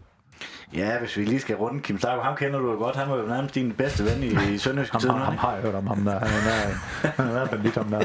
Ham har du brugt uh, mange timer sammen med. Ja, ja, ja jeg, synes, jeg synes jo ikke, jeg var på, på Brixen særlig tit. Øh, Det, det mener andre, så jeg var. Og, og Sarko, han var der ham, der stod for, for, for at massere nogle gange. Og der har jeg da brugt nogle, nogle sjove stunder med den øh, kære herre. Men jeg, jeg, var lige, jeg, jeg sagde faktisk øh, lige præcis den øh, Fenerbahce, den jeg spurgte også Karl Hammann i går, der, hvad hedder han, øh, fysioterapeuten dernede, hvad, hvad, hvad de har haft i lige. Men han, han sagde nu, at de havde en god øh, hvad hedder det, sundhedssektor. Så det, øh, jeg spurgte så, om de har fået ny, siden han var der, men det, han mente stadig om selv. Ja, og jeg glemte jo faktisk helt det der med, at bare han bliver skiftet ind øh, tre måneder efter, han har brækket anklen. Det er jo også helt, øh, helt vanvittigt og stor ros til, til sundhedssektoren. Det skal de i hvert fald have. Jamen, øh, på søndag, der står den på FC Midtjylland. Kick-off kl. 17 på MCH Arena. Øh, ønsker du at tage med fanbussen, så kan du tilmelde dig på Sønderjyske Fodboldsupports øh, fa- Facebook-side. Der er afgang fra Vojens kl. 14.15 øh, og fra Idrætscenteret 14.45. Og øh, Midtjylland øh, sidste år, der, der var vi jo i noget af en kamp deroppe, og det er jo et sted, hvor vi selv bestemmer, om vi vil have point. Det er jo, det er jo simpelthen hold, der, der selv bestemmer det, så vi kan vel ikke forvente andet end minimum et point deroppe, Peter. Altså, jeg, jeg tænker også, det skulle være muligt at komme derfra med minimum et point. Øh, men det vil så også kræve en, en væsentlig større effektivitet, som vi viste i går. Altså, de der få chancer, man har foran mål, så, så skal de altså sparkes ind. Øh, det er en ting. Øh, noget andet er, at det vil kræve en del mere vilje og fight, end det man viste i går. Det var fremragende og flot at se i går, men der skal mere til. Det, det er et fort, man tager til, og det, det er svært at indtage det. Hvordan er det at spille deroppe, Tommy, på MCH Arena? Jamen, der er man under pres i hele kampen, og det er et stort fysisk pres, fordi man kommer til at stå langt tilbage på banen, øh, kommer til at være langt fra modstanderens mål, og per definition er Midtjylland et, et hold, der består af 11 fysisk stærke spillere. Så det der fysiske pres, Sønderjyske tit ofte kan ligge, det kan man ikke gøre mod Midtjylland, fordi de er bare fysisk stærkere og større. Og, så det, det, du bliver nødt til også at, og nogle gange holde fast i bolden. Det bliver, det bliver sådan lidt opgaven i, i, i Herning der også. Øh, selvfølgelig skal du spille direkte, øh, fordi du vil komme under pres, og der vil også være plads øh, til at spille direkte. Men nogle gange er det vigtigt også at, at stå og holde lidt på bolden, for, for ligesom at, at, at, at, at tage presset lidt af, af sig selv, og, og sådan, man ikke er under belejring 24-7, fordi det, det kan det godt gå hen og blive, og med, med Midtjyllands dødbolde, så er det ikke så fornuftigt, at de har alt for mange af dem, for der er de generelt meget farlige. Niklas, er det en kamp, Sønderjysk kan få noget ud af? Som sagt, så skal det nok være deres fordel, som vi var inde på tidligere, at det ender med at blive sådan lidt en gratis kamp, fordi øh, jeg er ikke særlig optimistisk på Sønderjyskers vejen på nuværende tidspunkt. Ikke, ikke med det nuværende øh, FCM-hold, og slet ikke med et FCM-hold, der, der stadigvæk har så meget at spille for, øh, som de har på nuværende tidspunkt. Og man, altså man ser jo på, øh, de havde den her fuldstændig vanvittige statistik med, hvor mange gange de havde scoret mindst tre mål i træk. Nu kan jeg ikke huske, hvad det var, og den, den blev så brudt her i forrige runde eller sådan noget mod man de vandt 2-1 over OB. Ja, præcis. Der scorede de alligevel to mål, ikke? Ja. Så når de ikke scorede tre, så scorede de bare to. Øh, så jeg tror også godt, Glenn Riddersson ved, at, at det ikke er bare et, et hold, du øh, eller et sted, du lige kommer op og, og stiller dig dybt. Så, så det skal nærmest, være, det, være det mest interessante at se, hvordan han griber det her an, fordi det er altså et, et hold og et sted, hvor Sønderjyske de kommer i menneskehænder i alle kæder. Øh, jeg er ikke så optimistisk på Sønderjyskes vegne overhovedet, men, øh, og jeg skal ikke kunne sige, hvor, øh, hvor de skal kunne spille deres chance på, på nuværende tidspunkt. Så skulle det være på noget, på noget eufori og noget, nogle ting, der, der, der fungerer og, og, og lidt forskelligt. Peter, jeg er spændt på, hvilke udtryk Sønderjyske kommer med, om de tør at spille, øh, spille lidt mere med bolden og have bolden, eller om det bliver, om de stiller sig lidt mere tilbage, når det trods alt er de danske mester og titelkandidater igen, vi skal med. Ja, men jeg, jeg tror også, det er helt rigtigt set, at, at man, man skal ikke bare stå og vente på at lade dem komme til. Øh, bolden går ud over sidelinjerne, der kommer dødbolde, der, og det, der er de svarer effektive. Det, de har nogle rigtig dygtige folk til både at lave dem, men også til at, at effektivere dem, altså gøre dem færdige så, det, så det skal man ikke. Man skal, man skal tage tempoet ud af kampen, og så håbe på, at der kommer nogle rigtig gode muligheder, og der skal man selv slå til, og så håbe på, at det er nok bare med et enkelt mål. Øh, det er jeg ikke sikker på, at det bliver, men, øh, men jeg håber der i hvert fald. Ja, noget af det Nordsjælland havde succes med i tre, tre kampe, det var også at, at få overtal ind i midten, fordi Midtjylland spiller oftest kun med to indcentrale, øh, Evander typisk og Jakob Poulsen. Evander er sådan lidt forskellig, om han spiller kant eller centralt, men når de er på hjemmebane, han, han spiller ofte centralt ind i midten. Så hvis vi nu skal få, få dannet et overtal derinde, så er der også muligheder for, for at spille rundt om den derinde, men det er heller ikke et sted, det er særlig godt at tabe bolden, fordi de er relativt hurtige. Man, man skal også huske, at FC Midtjylland, det er et godt øh, hvad hedder det, øh, hold på døde bolde, men de kan også spille kontra. De, altså det er sådan et, et hold, der har mange strenge at spille på. Der, det er også noget af det, der gør dem så, så svære at spille mod, at hvis du stiller dig ned, så har de døde bold. Men går op og presser dem, så de, har de også nogle hurtige spillere, der, der, kan, der kan gå ind i omstillinger. Så, så det er sådan et, et, et svært hold, hvor man, hvor man skal finde øh, den, den, den rette konstellation, den rette, den rette måde at gribe det an på. Niklas, der var så meget palaver, som vi også har nævnt tidligere, at sidste gang, da Sønderjyske gæstede MTH Arena, Tror du, der har været nogle tanker på, øh, at den her skulle være sidste runde, eller om de måske skulle flytte den, så det ikke var sidste runde igen? Så er det næsten sådan en lille stikpille, eller ondskabsfuld gimmick, fordi øh, jeg vil nærmest, hvis, hvis der var gjort nogle tanker øh, om det fra, øh, fra, fra dem, der lægger strukturen, og dem, der lægger kampprogrammet, så, så vil jeg jo tro, at det er omvendt, at de i hvert fald ikke skulle lægge den her igen, så, så noget lignende kunne ske. Nu ved jeg, at de har, de har twitchet lidt på, på, på det her format, så det ikke gerne skulle kunne ske igen. Og nu står vi heldigvis ikke i en situation, hvor, hvor det er de samme ting, der er i spil. Øh, men i forhold til, hvor meget man gerne skal prøve at undgå kontroverser med, med, med sådan nogle ting, så vil jeg da være meget overrasket over, hvis det er noget, de har lagt her igen øh, med vilje i, i forhold til sidst. Men, men altså jo, når vi kigger på det på den måde, så i forhold til, at der ikke er det samme på spil den her gang, og hvis vi skal have sådan lidt øh, humoristisk tag på det, så, det, så er det lidt sjovt så synes jeg også, at vi skal tage Brøndby med i den, den, den, den ligning, at de skal spille sidste kamp om at overleve top 6 i Horsens. Det er tredje gang inden for meget, meget få år, at de skal spille en eller anden mere eller mindre afgørende kamp i Horsens. Øh, det, det er også lidt sjovt. Er det... Bare lige for at tage den udenom Sønderjysk og vide, altså, det er næsten, i den generelle øh, planlægning. Det er næsten for meget til at bare kunne være, være, et tilfælde, altså at, at det passer så godt sammen, Peter. Ja, men altså, jeg, jeg, jeg, jeg tror ikke, det er helt bevidst, men, men ja, lad os endelig fik fokus et andet sted hen. øh, og så, så tror jeg også bare, at uh, den kamp skal bare spilles, og så skal vi se, hvor vi står bagefter. Så havde jeg jo skrevet i manuskript, hvem man skal være opmærksom på på sådan et øh, Midtjylland-hold, men der kan du vel nævne 16-17 spillere, Tommy. Ja, det er jo det, der er problem. Der er rimelig mange at nævne. Øh, jeg synes, at Vander, han begynder at blive bedre og bedre. Jeg synes generelt, han har været en, en åbenbaring på det Midtjylland-hold. Han kan nogle ting, der ikke er så mange andre, der kan i Superligaen. Han har et touch på bolden og, og sådan nogle ting. Øh, han skulle lige vende sig til den danske kultur. Jeg tror måske godt det danske vejr. Øh, men nu synes jeg så småt, man begynder at, at se, at han bliver bedre og bedre og bedre. Og ellers så, så er det selvfølgelig en, en spiller som Paulo Noartu. Altså, man kan egentlig føle, man har styr på men Lige pludselig kommer der et højt indlæg, og så står han der alligevel. Det er en spiller, der har en masse, en masse tekniske mangler og sådan noget, men han har også nogle, nogle spidskompetencer, der, der gør ham svær at komme udenom. Hvad med dine, dine tidlige holdkammerater, Mark Dalhente? Hvordan har, synes du, han har udviklet sig i forhold til, da du spillede sammen med ham? Ja, men Dalhente, han kan ikke tåle ro, så det er jeg bange for at give ham.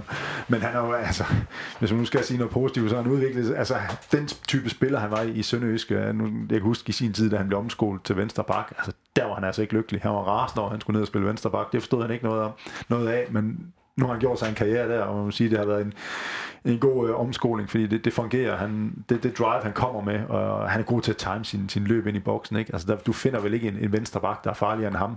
Øh, både i åben spil og i dødbolde, for en skyld. Kvæg hans lille størrelse er det jo et, et under alle de hovedstødsmål, han laver, men det er den her, den her timing, timing i hans løb og, og hans ja, frygtelighed, vil jeg kalde det, fordi altså, han kommer med hovedet forrest hver gang, og det, det vinder han altså meget på. Peter, hvem synes du, vi skal være opmærksomme på, ja. på det der Midtjylland-hold?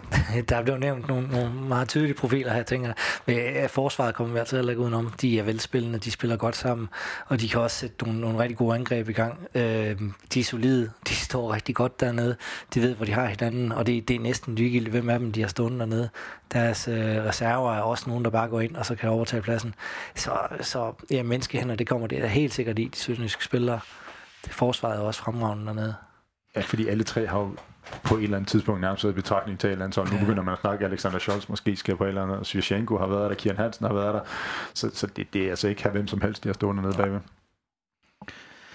Øh, du har været lidt inde på det, Niklas, men hvad skal der til for, at vi, øh, vi tager op til heden og får, får point? Ja, men der skal, det, det, det skal være noget med at køre på en bølge, og, og altså, hvor tingene fungerer, og det som de kun kan, når, når, når tingene kører i forvejen, som det trods alt gør, det er det, der Sønderjysk skal spille deres chance. Og der tror jeg også, at, at Glenn Riddersholm er en, er en udmærket motivator i forhold til at kunne hive fast i de ting, og, og tage de ting, der har fungeret de sidste par kampe, og, og, og bringe det videre. Men som sagt, Sønderjyske kommer i menneskehænder i alle kæder. Nu har vi lige prøvet at nævne en, en 5, 6, 7, 8 navne. Ikke? Og, altså, Sønderjyske er jo ikke et hold, hvor du nærmest skal tage på nogle positioner og sige, ham vil jeg bytte ud med, med, med en i, i, i, i FC Midtjylland startopstilling. Altså, du vil ikke tage FC Midtjylland startopstilling og putte den Sønderjyske spiller ind. Så øh, så det, der er noget, der skal fungere. Dagen skal, dagen skal rammes. Øh, Peter Christiansen skal, skal både score det mål, han scorer, han skal lægge op til det mål, han, han laver op til, og så skal han score på den chance. Altså sådan nogle Nå, ting, når han ikke? kommer ind en gang. Når han kommer ind en gang, ja. Men Ja, man, man må antage, Martin Lider, han er tilbage, og han står trods alt, i forrest i køb. Men, men ja, når han kommer ind, så må man håbe, han, øh, han gør det. Ja, for det var faktisk mit næste spørgsmål, fordi at øh, Peter Christiansen med sådan en, en kamp, som han nu øh, du spiller i, i, i søndags, øh, så bliver han da svær at komme udenom. Han bliver ikke svær at komme udenom. Hans navn bliver slettet, og der skal blive skrevet andet på. Men jo, jeg, jeg, jeg forstår, hvad du mener. Jeg giver det også ret, for jeg synes også, han er god. Og jeg synes, han, han havde noget af det, Martin Litter ikke rigtig har haft. Den her øh, gå påhed, den her fanden i voldsked og sådan noget. Jeg synes, Martin Litter har mange, mange spidskompetencer, men han har ikke formået at, at omsætte det så godt endnu. Jeg synes, han har både, han er både hurtig, han er stor og stærk, han er god til at holde bolden. Han har en, en god pakke, men jeg synes ikke rigtigt, at pakken helt har været forløst endnu. Øh, der synes jeg, Peter Christiansen spiller en kamp her og gør det godt. Det skal man også huske. Han, altså, en kamp gør jo ikke et, et, et, en hel sæson. Så, øh, så jeg tror, han, han, han starter ude, men, men jeg vil sige, han, han kommer nok lidt hurtigt ind. Han er, I stedet for, at han får 5 minutter, så får han måske sidste 20, hvis det ikke fungerer. Fordi han ligesom har bevist, at han, han godt kan være med, og han, han i den grad kender en fodboldkamp. Ikke fordi, at jeg tror, det sker, men, men, men kunne man forestille sig sådan Peter Christiansen og Mark Litter sammen op, op på den der spids der? Glenheim skulle ændre sin opstilling, men, øh, men kunne man se dem sammen sådan som fodboldspillere? Jo, det, det kunne du nok godt, men det er ikke lige mod en FC Midtjylland hold. Det tror jeg simpelthen ikke på. Altså, der, der tænker jeg også lige, at han har ikke spillet sig i holdet. Han scorede også i sin seneste kamp, så han er stadigvæk inde og spille derinde. Øh, og jeg tænker også, at han bliver skiftet ind øh, senere, når det er lige, der har taget de store slåskampe og har fået et blåt øje mig ud. Så kommer Christiansen ind, og så tager han lige det sidste stykke arbejde, og, og med noget held og lidt fornuft, så, så får han sparket den ind, og så vinder vi den kamp. Øhm, så, så det tænker jeg, men man kan også lære meget fra en bænk af. Altså der kan han se rigtig meget derudefra, så det, det er heller ikke en dårlig erfaring at få, at være vidne til sådan nogle kampe her, så han skal nok få sin tid. Nej, og Tommy, så den offensiv, som Glenn har egentlig råd over, han har jo en 3, 4, 5 spillere, der, der kan gå ind. Det er lidt noget andet, end da du spillede, hvor du skulle spille lige meget. Du, du, der var ikke råd til undvære. Ja, jeg kunne spille 70, og så var det det. Ej, der, det, var det, det var det Glenn, han har jo egentlig mange råd over mange forskellige typer, og det har vi jo også set. Han har roteret meget i, i, starten. Var det første kamp mod AGF, der var en fin tilfreds med den offensiv, man skiftede alligevel, fordi han mente, at, at der skulle noget andet til. Det kan også være, at det er det samme, det sker her. At det ikke er Greco og Johan, der skal spille ud på kanterne. Han, han mener måske, at det er nogle andre typer, Skagen. Det kan være, at, at Manko passer bedre, fordi han har mere fart i fødderne. Han, men der kommer vi så ind til det, det, hvis han stiller sig længere tilbage, og måske brug for nogle, nogle bedre kontraspillere, og, men vil han undgå det? Og sådan der, der er jo mange tanker, der skal, der skal gøre sig, men der har han jo heldigvis en, en, en, en bred trup, bredere end nogensinde har været, vil jeg våge påstå, øh, og, og flere forskellige typer, så han selv kan vælge at, at sætte hold efter, hvordan han mener, at det skal, det skal spilles. Så har Impendi Icarni, hvad vi kalder ham, han er ude med karantæne for sit gule kort. Øhm, han bliver et øh, stort tab, gør han ikke? Jo, det tror jeg bestemt, han gør. I, i forhold nu har vi også roset ham så meget, så et eller andet vil, vil være underligt. Øh, og jeg har egentlig ikke noget som super godt bud på, hvordan, hvordan den skal grejes. Ellers hvis man kigger lidt på de tidligere opstillinger, så må det være noget med måske at tage Søren Frederiksen ind, øh, placere ham på tieren og så rykke lidt rundt. Øh, i forhold til at, til at aflyse, aflyse Carney, som jeg går ud fra, at Simling stadig ikke er klar. Jeg kender faktisk ikke, øh, hvor langt han er i, i, i sin proces. Men, øh, og, og det kommer til at skabe et andet, et andet udgangspunkt, og Frederiksen er ikke nødvendigvis bedst inde på tieren, så, øh, så, så jo, han kommer bestemt til at blive manglet, øh, øh, tror jeg. Ja, jeg tror Simling måske, jeg ved ikke, han jeg snakkede med ham, jeg ved ikke, om han når at blive klar, men han hvis skulle begynde at træne her i løbet af ugen. Han er vist ikke med i kamp i dag, men det er altså en spiller, man godt kunne bruge i sin kamp, en med noget erfaring, en med noget ro på bolden og, og sådan noget. Det vil altså en, en passende spiller at have til den kamp. Men der kommer vel også kamp i fremtiden nu her, hvor han er vigtigere at have med end at satse med ham nu her det, søndag. Det, det, kan man, det kan man også sige, ja, det er selvfølgelig rigtigt, men og, og når man så ser det på den måde, så man også sige, at altså, er det så ikke også fint, at Karni ikke er med i den kamp, fordi mm. man kan sige, når puljerne bliver inddelt, der bliver kampene vigtigere, fordi der er, det, der er det lidt mere direkte konkurrenter, du møder. Man kan sige, FC Midtjylland er jo ikke en, en konkurrent for, for Sønderjyske som, som land, det står lige nu. Peter, hvem tror du, der skal erstatte ham? Øh, nu kommer Mankman jo ind på midtbanen i går, så det var da en mulighed. Øh, jeg havde også tænkt lidt tanken med, med Grego rykke ham ind centralt derinde, men, men om det vil give os kreativitet nok, det, det kan jeg ikke helt se. Øh, og så har Mankvi ude på kanten i mellemtiden. Så, så Mankvi får spilletid, tænker jeg i hvert fald den her gang fra start af. Øh, men hvordan det ellers bliver roteret rundt, det er svært at sige. Tommy, hvis du får det samme spørgsmål? Ja, det, det er godt, det ikke er mig, der træner. den, den tager jeg glemme. Jeg ved ikke, men, men igen, vi, vi, vi skal også tage op, altså nu, nu skal vi til Herning, ikke? og det er altså et svært sted at spille. Han kan også slå med, med en øh, fembakkæde. Han kan vælge at sætte en central forsvar ind øh, ekstra, og så sørge for at fylde på dernede. Så altså, Ja, fordi jeg synes nemlig ikke, der er sådan den åbenlyse øh, lige nu ind til, til midtbanen. Jeg kan simpelthen ikke se, hvem der er, der skal gå ind, fordi det er nogle helt andre typer, der er. De, de tre, der spillede her i weekenden, det var alle sammen nogle hårdt arbejdende spillere, øh, der både kunne offensivt og defensivt. Jeg synes, hvis, hvis vi tager Søren Frederiksen, hvis vi tager Greco ind, hvis vi tager Manko ind, jamen det er alle sammen spillere, der, der vil fremad. Det er alle sammen spillere, der måske ikke kigger så meget over ryggen. Og det, og, og det passer måske ikke så godt ind, så er det måske bedre at fylde på nede bagved hvis det så ikke gør, at man står for langt tilbage. Det er virkelig det er en svær afvejning. Godt, det ikke er mig, der står for det. Jeg tænker lidt en Rasmus Vinderslev, men han er måske for os lidt for urutineret, lidt for, lidt for ung til at sætte ind i sådan en jeg kamp. Jeg tænker, det er en voldsom kamp at smide ham ind i. Han, men, han er en dygtig spiller, og han skal nok få noget spilletid og sin tid senere hen. Men jeg tror her, der, der skal man hellere være sådan lidt sikrere nede bag, for det kan godt være, det kan også være, at man så satser sig på de der omstillinger, som så gør, at, at, at mange og Gregor, undskyld, netop kan have, have, mulighed for at sætte noget hurtigt i gang den anden vej. Øh, jeg, ved, forsvar, ekstra forsvarsspiller, så, så bliver det kompakt på midtbanen, måske. Altså, Ja, men det kan være, at man overgiver for meget, øh, overlader for meget ja. hvad hedder det, initiativ til Midtjylland, og vil automatisk blive presset tilbage. Det, der er jo mange overvejelser. Ja, heldigvis skal vi ikke tage beslutningen. Det er også det. Den, den tager jeg og så kan vi svine om bagefter. det er i hvert fald spændende, hvordan han, øh, han stiller op, og, og der er ikke noget, der er givet for... Altså, han er også forholdsvis ny træner, så det, det, det, bliver, det, bliver, det bliver spændende, hvordan han egentlig, han egentlig ender med at stille op. Lidt statistik, det er jo altid godt lige at, lige at snakke om. Jeg blev faktisk overrasket. Altså, hvis vi tager Sønderjysk mod Midtjylland de sidste 10 kampe, øh, det er inklusive træningskampe, så har øh, FC Midtjylland vundet 4, scoret 16 mål, to uger gjort. Sønderjysk har vundet 4 og scoret 17 mål. Så vi må være lidt favoritter, Peter. um, jeg har helt, lidt svært ved at gennemskue den her statistik som så, fordi det, det ser jo meget lige ud, det må jeg sige. Og jeg kan heller ikke helt greje om, om hvor meget der har været på spil de gange, hvor vi har, har, har mødt hinanden. Altså har det været sådan en lidt en tegneseriekamp, hvor man har kunne gøre, hvad man vil, eller har der været noget ekstra på spil her? Det har jeg ikke lige helt sat mig ind i, så der, den kan jeg nok ikke svare så godt på. Niklas, er du overrasket over, at det faktisk er, altså, det er et øjebliksbillede, og der er også to, øh, der er i hvert fald en træningskamp iblandt, øh, som Sønderjyske vinder, men, men at alligevel, at det er så tæt. Ja, det er jeg øh, umiddelbart set på den baggrund af, at, at den, den, hvis man ikke øh, kendt til, til de to klubber, øh, taler et sprog om, om, om noget, der er væsentligt mere jævnbyrdigt, end det er. Fordi øh, jeg synes slet ikke, det er jævnbyrdigt, som det sidder lige nu. Øh, Midtjylland er selvfølgelig langt, langt, langt foran Sønderjyske. Øh, og jeg tror heller ikke, der er så meget. Nu kan jeg ikke huske nogle af kampene som sådan. Øh, jeg tror ikke, der er noget relativt i de, i de kampe, man sådan kan, kan hive, hive med videre. Øh, især Sønderjysk har jo også været igennem nogle træner og sådan noget. Eller alene en træner siden, siden sidste møde og sådan noget. Så, så øh, det, er en, det, er en, det er en fin lille gimmick, men øh, jeg tror ikke, det er noget, Sønderjysk kan bruge til, til super meget. Nu har vi snakket lidt om øh, en startopstilling, og vi kan kun gisne om, så det tænker jeg, det skal vi ikke bruge tid på. Men øh, et bud på kampens resultat, tænker jeg, vi skal have. Tommy, vil du starte? Ja. Øh, jamen, jeg, jeg tror også, Midtjylland vinder den her. Jeg, jeg jeg er ked af det, men øh, om de ender med at score to eller tre mål Midtjylland, det, det er svært at gisne om, men de laver mange mål, og det gør de bare på hjemmebane i særdeleshed. Så en 2-2-0, en 3-1, noget af den duer, tror jeg, til, til Midtjylland, men jeg håber noget andet. Jamen, jeg håber i hvert fald, at Sønderjysk kommer op og, og, og får scoret, så vi i hvert fald kan sige, at den statistik har vi stadigvæk tre kampe, hvor vi scorer i. Det er jo altid ret. Uh, øh, jeg, vil, jeg vil være sådan lidt mere rolig og så sige 1-1, og så bare håbe på det bedste.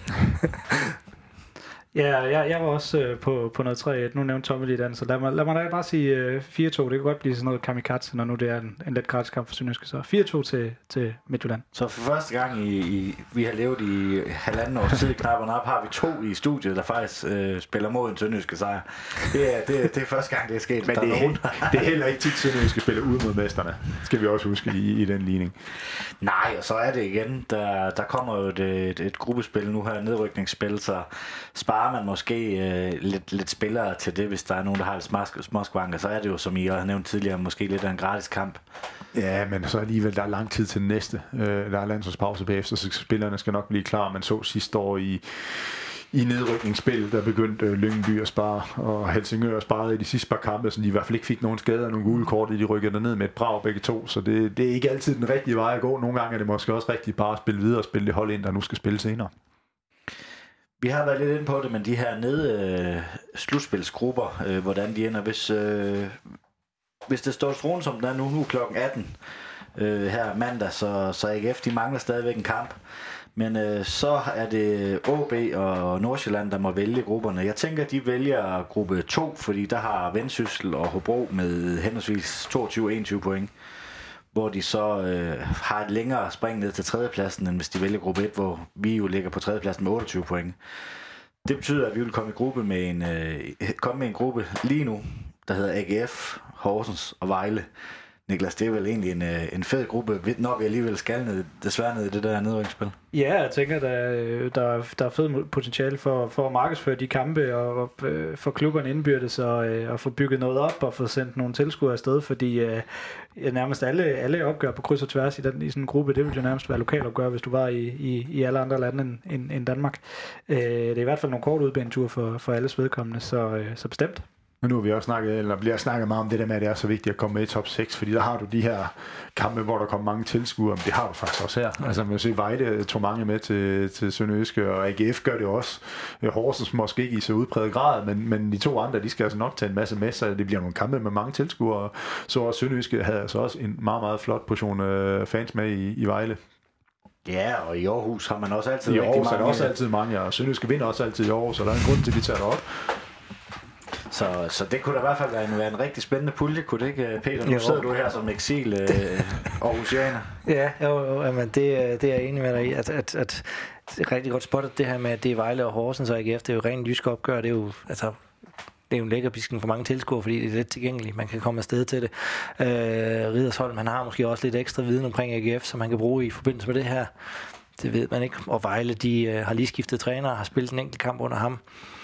De, er måske også i gang med at bygge et eller andet, men det tager forhåbentlig lang tid. Så altså, det er da ikke det værste, der kunne ske, det vil jeg da bestemt sige. Nej, men øh, jeg tror, vi lukker, så må vi se, om øh, det passer, og hvordan det ser ud bare her om øh, nogle få timer, om, øh, om det er nogle andre hold, der, der ligger til os i stedet for. Inden vi slutter en Pibes-koncert om Fenerbahce for dig, Tommy. Ja, mm, men Fenerbahce, den, jeg har sådan øh, to halve, vil jeg kalde det. Øh, den ene går til DBU, at de nu rent faktisk har ændret det her øh, nedrykningsspil, fordi vi, vi havde jo ret beset stået i den samme knibe, som det havde været sidste år, at 8. pladsen havde været bedre end 7. pladsen, hvis de ikke havde lavet det om. Så det, det er en ros, at de har fået gjort det, for man kan se, at den gamle struktur fungerede ikke, og det havde endnu en gang øh, været en, ja, en kaot i sidste spillerunde. Det bliver nok alligevel i, i en eller anden ombæring. Og så har jeg også en halv til, til Sønderjyske, der, der bliver ved med at lægge på i deres ungdomsafdeling nu. Nu var jeg oppe i, i lounge i går og hørte Heisen sige, at nu bygger man på, fik flere øh, folk ind omkring talentafdelingen, øh, og, og flere var fuldtidsansat. Jeg har brugt flere kræfter på det, og det synes jeg, det er positivt, fordi allerede nu her begynder man at se nogle, nogle, nogle, nogle frugter, der kommer ned. Ikke? Øh, man har fået Peter Christiansen Vinderslev, der kommer flere og flere af, af egen op, som man altid gerne har ville, men måske ikke har været stået øverst på ønskelisten, fordi økonomien ikke har været til det, der har været presset. Man har koncentreret sig meget omkring førstehold. Nu begynder det stille og roligt at dryppe ned, og, og, og så kommer der lidt, lidt godt op for ungdomsafdelingen, og forhåbentlig fortsætter man med det. Det bliver i hvert fald spændende at se, om øh, de kan lave en ny uh, Tommy Beckmann eller eller Og uh, det negative? Det negative, jamen det, det er faktisk Glenn Ridersholm. Nej, ikke direkte til Glenn, det er til hans briller. øh, han, han har ikke gjort forarbejdet godt nok, fordi hvis han kender Niels Lodberg og har set ham før, så ved han godt, så skal man altså have nogle skridsikre baller på, nogen der, nogen, der kan holde til noget, fordi når, Niels, når der bliver scoret, så er han altså en mand, der jubler Niels Lodberg. Der, der har Glenn ikke gjort øh, benarbejdet godt nok og, og forberedt sig på de øh, voldsomme reaktioner, der kom fra Niels. Jeg tænkte faktisk, at han skulle tage fat i Edgar Davids. Han havde spillet jo med de der... det, det kunne godt være, det var, det var en, en, en fremtidig mulighed. Så han kunne få nogen, der ligesom kunne holde til at stå ved siden af Niels Lodberg. Det er, også, det er også rart at se, at der er nogle trænere og assistenttræner, der står med sådan en passion og virkelig går så meget op i deres fodbold, at de næsten skader hinanden. Ja, det, det, her, det, er, det, er jo, det er jo en fornøjelse at se, at man brænder så meget for fodbolden. Det, det synes jeg det er fantastisk. Hvis ja. du overvejer en træning, øh, så, så, så, kan du høre Niels Lodberg råbe og skrige hele tiden, hvis det en, der sparker bolden ind. Jamen altså, han, det er lige før en jubler, som, som, som man så i går på, på banen. Ikke? Så det, det er et engagement og en passion, der, der er fantastisk. Ja, jeg så ikke så mange kampe, da han var, Lodberg var assistenttræner under Bo Henriksen, men det må da været vanvittigt syn at se dem, når, øh, når de scorede. De løber begge sine ender, og så bare det var det også. Det, det, var det også. Det var, det var underholdning. Jamen, øh, her på falderæbet, er der noget, I mangler at få sagt? Nej. Jamen, så vil jeg gerne sige uh, Hall of Fame medlem. Tak til Tommy Beckmann. Mange tak. Niklas Stein. Tak fordi du kiggede forbi. Tak. Tak til Peter Johansen. Selv tak. Moin. Moin. Moin. Et stort tak skal lyde til murgrej.dk og Sydbank. Uden dem var denne podcast ikke mulig. Støt os på MobilePay, box 25631, 25631. Et kæmpe tak skal også lyde til dig, som lytter med. Uden dig var der nemlig ingen grund til at lave denne podcast. Spred gerne rygtet om voresklub.dk, så vi kan få lyttertallet endnu højere op. Vi siger så møg manden tak. Bye.